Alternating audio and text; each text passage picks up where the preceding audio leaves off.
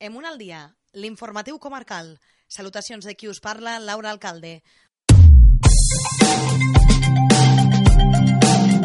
Obrim l'informatiu en plana econòmica. El govern rebaixa el preu del lloguer de 1.500 pisos amb protecció oficial per afavorir-ne l'ocupació. La mesura beneficiarà 51 promocions d'habitatge públic situades en 15 municipis. La rebaixa es començarà a aplicar a partir del mes d'abril i afecta tant els habitatges buits d'aquestes promocions com els que ja estan adjudicats.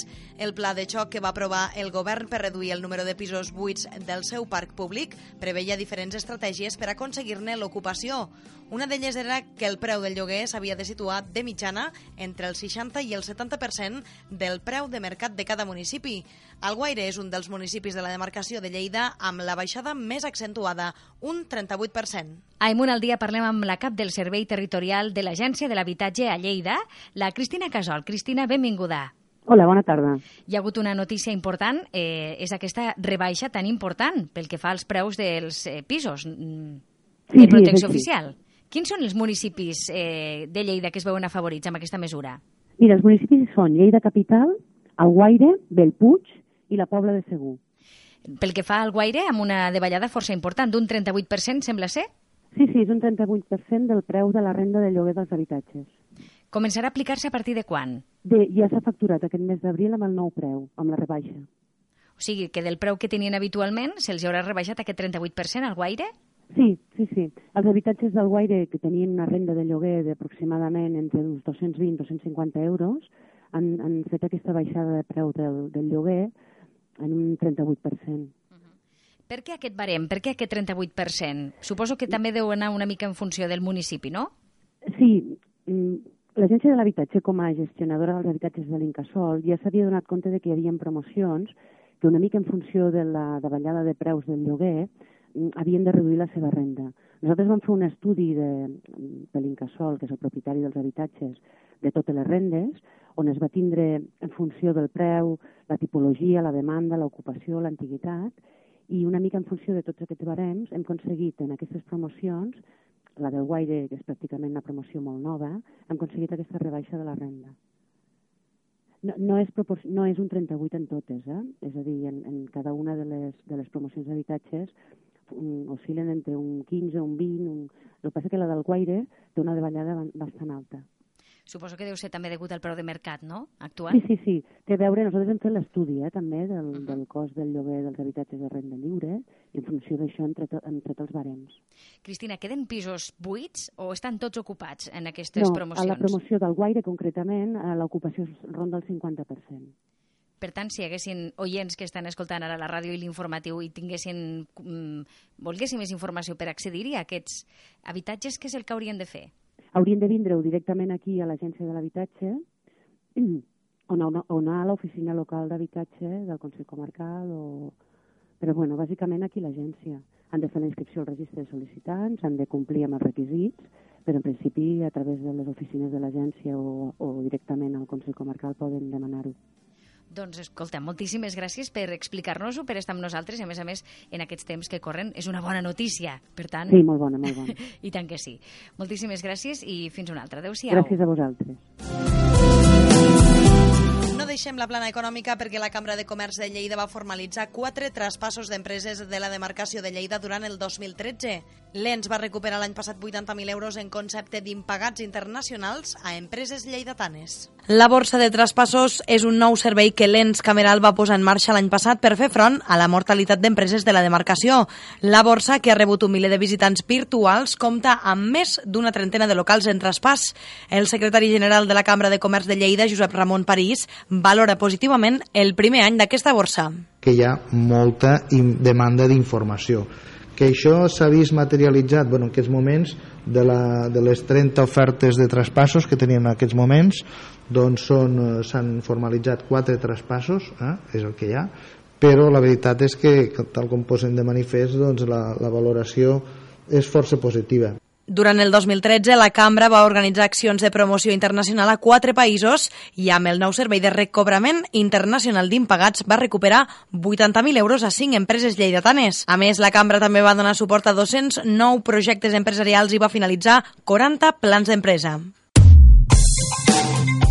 Aquest dimarts ha obert portes el Mercat del Pla, Segons la paeria, el Mercat del Pla marcarà un abans i un després al centre històric de Lleida. Aquest dimarts, com dèiem, ha obert portes l'edifici modernista de la mà de Jam Stores, amb bona afluència de públic que l'ha convertit en un innovador centre comercial de botigues efímeres on marques de moda de primer nivell venen els seus estocs la primera quinzena de cada mes. En total, entre el Mercat del Pla i el carrer Cavallers hi ha 10 botigues i 3 gastrobars, en 7 dels quals hi ha participació del comerç i restauració local.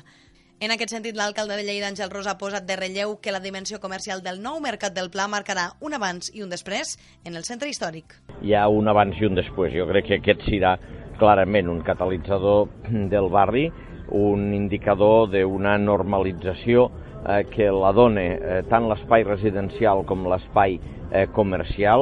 El comerç genera vida permanent de la mateixa manera que fins ara doncs la dinamització del centre històric havia estat i, i segueix existint doncs aquests equipaments públics, sobretot de l'àmbit cultural, el món associatiu de Lleida en gran part té la seva seu al centre històric, especialment les entitats eh, culturals. Això genera vida. Les pop-up stores del Mercat del Pla són de moda amb una barreja de marques molt consolidades i dissenyadors emergents. Durant aquesta primera quinzena d'abril, les marques presents són Custo Barcelona, Pepe Jeans, Citamur, Textura, L'Oreac Mendian, New Zealand, Javier Simorra, Punto Blanco i Boxley. Paral·lelament, l'Ajuntament de Lleida ha posat en marxa un pla de dinamització del centre històric que pretén transformar el barri d'una manera transversal i integral a través de la creació d'una marca que, sota el nom Districte Mercat del Pla, doni a conèixer la idiosincràsia i l'expressivitat d'aquest barri. Tanquem l'apartat econòmic parlant de la primera jornada empresarial que acollirà aquest dijous Torrefarrera. L'escenari serà el SEI i es tracta d'un workshop on es posaran en contacte empresaris lleidatans amb empresaris de la franja, en concret de la Llitera. Jordi Latorre, alcalde de Torrefarrera, benvingut. Moltes gràcies. Primera jornada empresarial a Torrefarrera aquest dijous. Quina és la finalitat d'aquesta jornada? Doncs bé, és una jornada organitzada per l'Associació d'Empresaris de Torrefarrera però eh, en col·laboració amb l'Associació d'Empresaris de la Llitera i que eh, doncs, és com una espècie de col·laboració entre les dues entitats i la finalitat bàsicament és de, de, de formar-se i de, podríem dir, eh, d'ampliar la xarxa, d'aprendre com eh, ampliar la xarxa de contactes i de millorar doncs, eh, les, les relacions dels empresaris eh, sempre amb l'objecte que s'entén de, de millorar doncs, eh, els negocis. Quantes empreses hi assistiran? Saben el nombre? Doncs eh, la... això ho organitza directament l'Associació d'Empresaris. Em sembla que estava previst que hi hagués unes 20 empreses per cada representant a cada associació perquè doncs, eh, la, la metòdica és que eh, doncs, hi, ha una, hi ha una conferència, però eh, hi ha altres, eh, altres activitats, però una en concret que és una mica la que dona sentit en aquesta jornada en concret, que és la que eh, tots els empresaris al final s'acaben coneixent els uns als altres i diguéssim acaben tenint una trobada, em sembla que són de dos minuts, en la qual doncs, expliquen al seu eh, homòleg en aquell moment doncs, una mica el funcionament de la seva empresa, eh, a què es dediquen i una mica el seu catàleg de productes. Clar, eh, si l'objectiu és que es puguin conèixer tots, doncs també té que haver un número reduït perquè la cosa doncs, sigui gestionable. Em sembla que van van deixar en torn a 20 empreses de cada costat, per tant, estaríem parlant de 40 empreses. Aquest seria doncs, el programa d'activitats, aquesta mena de trobada entre tots els empresaris de la Llitera i de, sí. la, de Lleida? Té, eh, té com a... té diversos apartats. Una, un apartat seria una ponència d'un ponent que es diu Jeroni Calafell, que és eh, expert en temes de, en temes de, de màrqueting, en temes de, de, de, de motivació, Eh, llavors hi ha un altre apartat que és el que us deia del networking, eh, doncs que els, els, eh, cada empresari doncs, cada, per cada dos minuts o més aproximadament eh, van rotant entre ells i es van presentant una mica les seues, les seues empreses, les seues activitats, una mica el seu catàleg de, de productes i després hi ha altres eh, activitats paral·leles que és eh, el que en diuen el mur de les idees, que és un espai on cada empresari pot eh, escriure les coses que consideri, penjar doncs, eh, coses referents a la seva empresa, als seus productes, un mercat de contactes que també doncs, eh, es, pre es preveu per facilitar doncs, aquest, eh, tot aquest tema del networking, i també acabarem amb un dinar eh, que, se, que se servirà a tots els participants. Per tant, el Centre Europeu d'Empreses i Innovació, el CEI, que va inaugurar-se fa molt poc, té llarga vida amb aquesta primera jornada empresarial que ja té aquest nombre primera, m'imagino que també vol tenir una continuïtat en el temps. Aviam, si és per l'Ajuntament, doncs eh, creiem que n'ha de tenir moltes més i estem contents que, que es comenci en aquest moment de tanta dificultat econòmica, no? Eh, per tant, però també animar a les empresaris que, que està tenint una bona, una bona activitat perquè continuï. Al final doncs, són ells els que, els que ho lideren i l'Ajuntament doncs, estem al seu costat, no? I pel que fa al Centre d'Empreses Innovadores, doncs eh, nosaltres teníem molta fe, eh, realment s'està consolidant, estem contents perquè ja hi tenim tres empreses radicades i, i se fa, doncs, hi ha un seguit d'activitats doncs, eh, bastant sovint, la qual cosa ens fa estar molt satisfets i molt contents. Eh, properament acollirà també eh, les instal·lacions de l'empresa que, eh, que cobrirà amb fibra òptica el polígon industrial i, per tant, doncs, eh, a curt termini tindrà ja un ventall d'usos i d'activitats que ja crec que podrien justificar doncs, eh, la inversió i la, i el projecte d'haver-lo establert. No sé si hi ha temps encara per inscriure's a algunes empreses de Lleida de la Litera o si el, el tema de les inscripcions està tancat a hores d'ara. Jo més aviat diria que està tancat pel que et deia, perquè no és, no és el fet de dir jo m'apunto i me n'hi vaig, sinó que els organitzadors han de tenir previst doncs, qui va i, i una mica doncs, eh, els, el, els timings de, de les estones en les quals eh, inter, interactuaran, a més a més, pel que em van explicar, també intenten una mica doncs, que tinguin algun punt de, de contacte o de sinergia les empreses, amb la qual cosa doncs, bueno, no, no vull negar l'oportunitat ni que ningú vulgui, que, que pugui tenir que fer la gestió amb seus empresaris, però més aviat diria que s'ho van Doncs Jordi La Torre, moltíssimes gràcies per atendre'ns. Que vagi molt bé aquesta primera jornada empresarial a Torre Ferrera.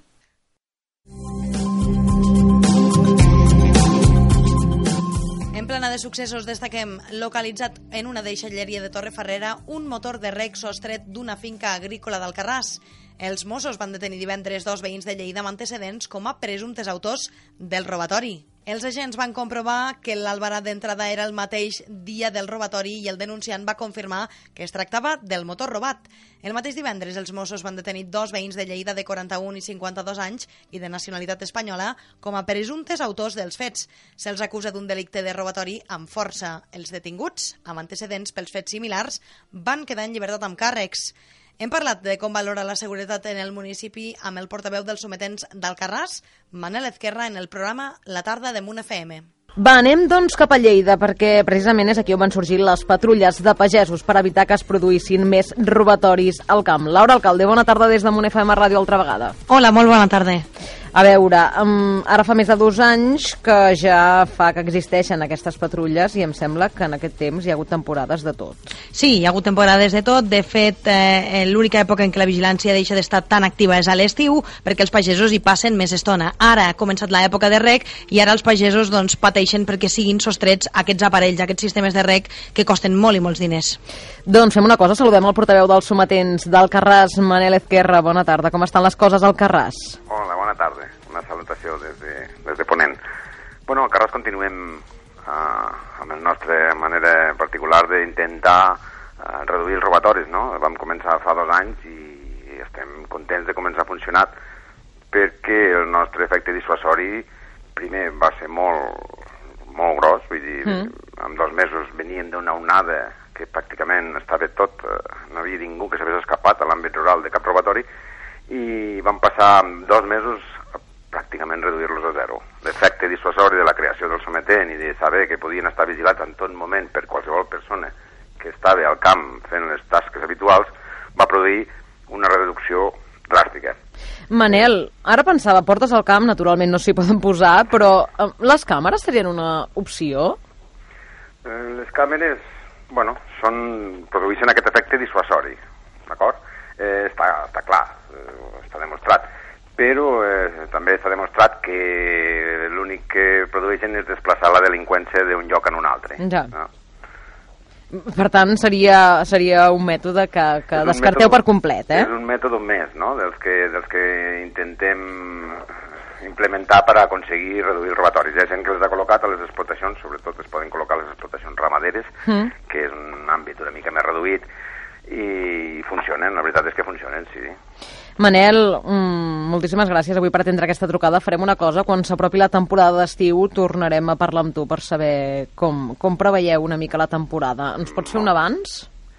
La temporada la preveiem que hi ha un petit eh, repunt i ens preocupa. Ens preocupa perquè eh, en aquesta època de l'any aquí ve uns fluxos migratoris molt importants, gent que està de pas per a treballar a la campanya de la fruita dolça i eh, això comporta que els delinqüents aprofiten per col·locar-se entremig d'aquests fluxos, d'aquests grans fluxos, no? I eh, aquesta és la nostra preocupació ara que estem a punt d'endegar la campanya d'aquest estiu. Manel Azquerra, moltíssimes gràcies per tot. Molt bé, a vostès. Canviem de qüestió. Infraestructures. Territori i Sostenibilitat ultima els treballs per posar en servei el vial lateral a la variant sud de Lleida, però n'hauran de circular els tractors. La Generalitat confia obrir-lo finalment aquest mateix dimarts o dimecres, després que la pluja del cap de setmana impedís pintar-hi les marques vials. El responsable de carreteres a Lleida, Jordi Benet, ha explicat que l'objectiu és que entre aquest dimarts o dimecres es pugui obrir el trànsit el vial lateral, un cop s'acabin de pintar les marques i se senyalitzi. Si avui s'acabés de pintar, pues es donaria per obert, i si no s'acabarà d'entrebullir demà, s'acabarà de pintar. S'ha de premarcar, s'ha de pintar tot, avui faran tot el possible, i si no es pot total serà un tram, però vull dir que s'intentarà que, entre, que, que, que entre avui i demà estigui en funcionament. I a partir del moment que nosaltres tinguem això ja pintat eh, definitivament, bueno, pintat sobretot els entronques amb la, amb la carretera, pues ja no, ja, ja s'anul·larà el pas, que ja quedarà anul·lat directament, traiem els senyals i tornaran a fer les previsions corresponents. Per la seva banda, pagesos de la zona ja han mostrat el seu malestar per no poder seguir circulant amb els tractors per la variant sud com feien fins ara. Condemnen la Generalitat a indemnitzar amb 118.000 euros la família d'un pescador electrocutat al Pantà d'Utxessa. El Tribunal Superior de Justícia de Catalunya diu que la zona estava senyalitzada per la pesca esportiva i no tenia en compte que hi havia cables d'alta tensió que van causar la mort del pescador. L'home estava pescant en una zona perfectament senyalitzada per a tal efecte, però la seva canya es va enganxar amb uns cables d'alta tensió, cosa que va provocar-li una forta descàrrega elèctrica que el van matar el passat 26 de maig de 2007. La família havia reclamat una compensació al Departament d'Agricultura i Medi Natural, però l'administració catalana va desestimar la reclamació el novembre del 2011. Lleida estendrà aquest divendres la catifa vermella amb la inauguració de la vintena edició de la Mostra de Cinema Llatinoamericà de Catalunya. Aquest dimarts s'han presentat als mitjans una nova edició que premia a José Sacristán amb el Premi d'Honor i a Emma Vilarassau amb el Premi Jordi Dauder. Aquest divendres s'inaugura la mostra de cinema llatinoamericà de Catalunya a Lleida al punt de les 9 de la nit a la llotja, una gala inaugural a la qual assistiran els actors premiats, com José Sacristán i Emma Vilarassau. Una mostra en què el seu director, Juan Ferrer, ha destacat el valor de recuperar la secció de documentals. Catalunya i la resta de l'estat espanyol en documental estan molt forts, estan fent coses molt, molt interessants i creiem que era obligatòria en aquesta edició número 20 tornar a recuperar els documentals i a més con l'afegit d'integrar dintre de la universitat per generar un públic que coneixi eh, aquesta disciplina de visual. 11 llargmetratges de nacionalitats diferents i 10 curs de 7 nacionalitats diferents es presenten en guany al certamen. A més, també es podrà visitar una exposició del director Carlos Saura anomenada Fotosaurios, una sèrie de fotografies pintades per ell mateix. 7 dies de cinema que comencen divendres a la capital del Segrià. L'agenda d'avui dimecres s'atura als municipis d'Almenar i Alguaire. I és que la Biblioteca Ramon Berenguer Quart d'Almenar, des d'ahir dimarts, exposa De cap a l'aventura, una exposició que es podrà veure fins al proper 15 d'abril. I d'Almenar fem un salt al Guaire perquè avui dimecres dia 2 hi haurà sessió de l'hora del conte a les 6 a la biblioteca.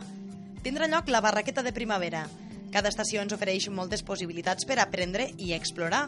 A través de la paraula i els objectes es treballarà el bon temps, els colors i els canvis en la natura. L'espectacle combinarà contes, cançons, titelles i poemes amb la companyia En Clau de Clown. Organitza aquesta sessió de l'Hora del Conte al Guaire la biblioteca Josep Lladonosa i Pujol. Emun al dia, l'informatiu comarcal a Emun FM Ràdio.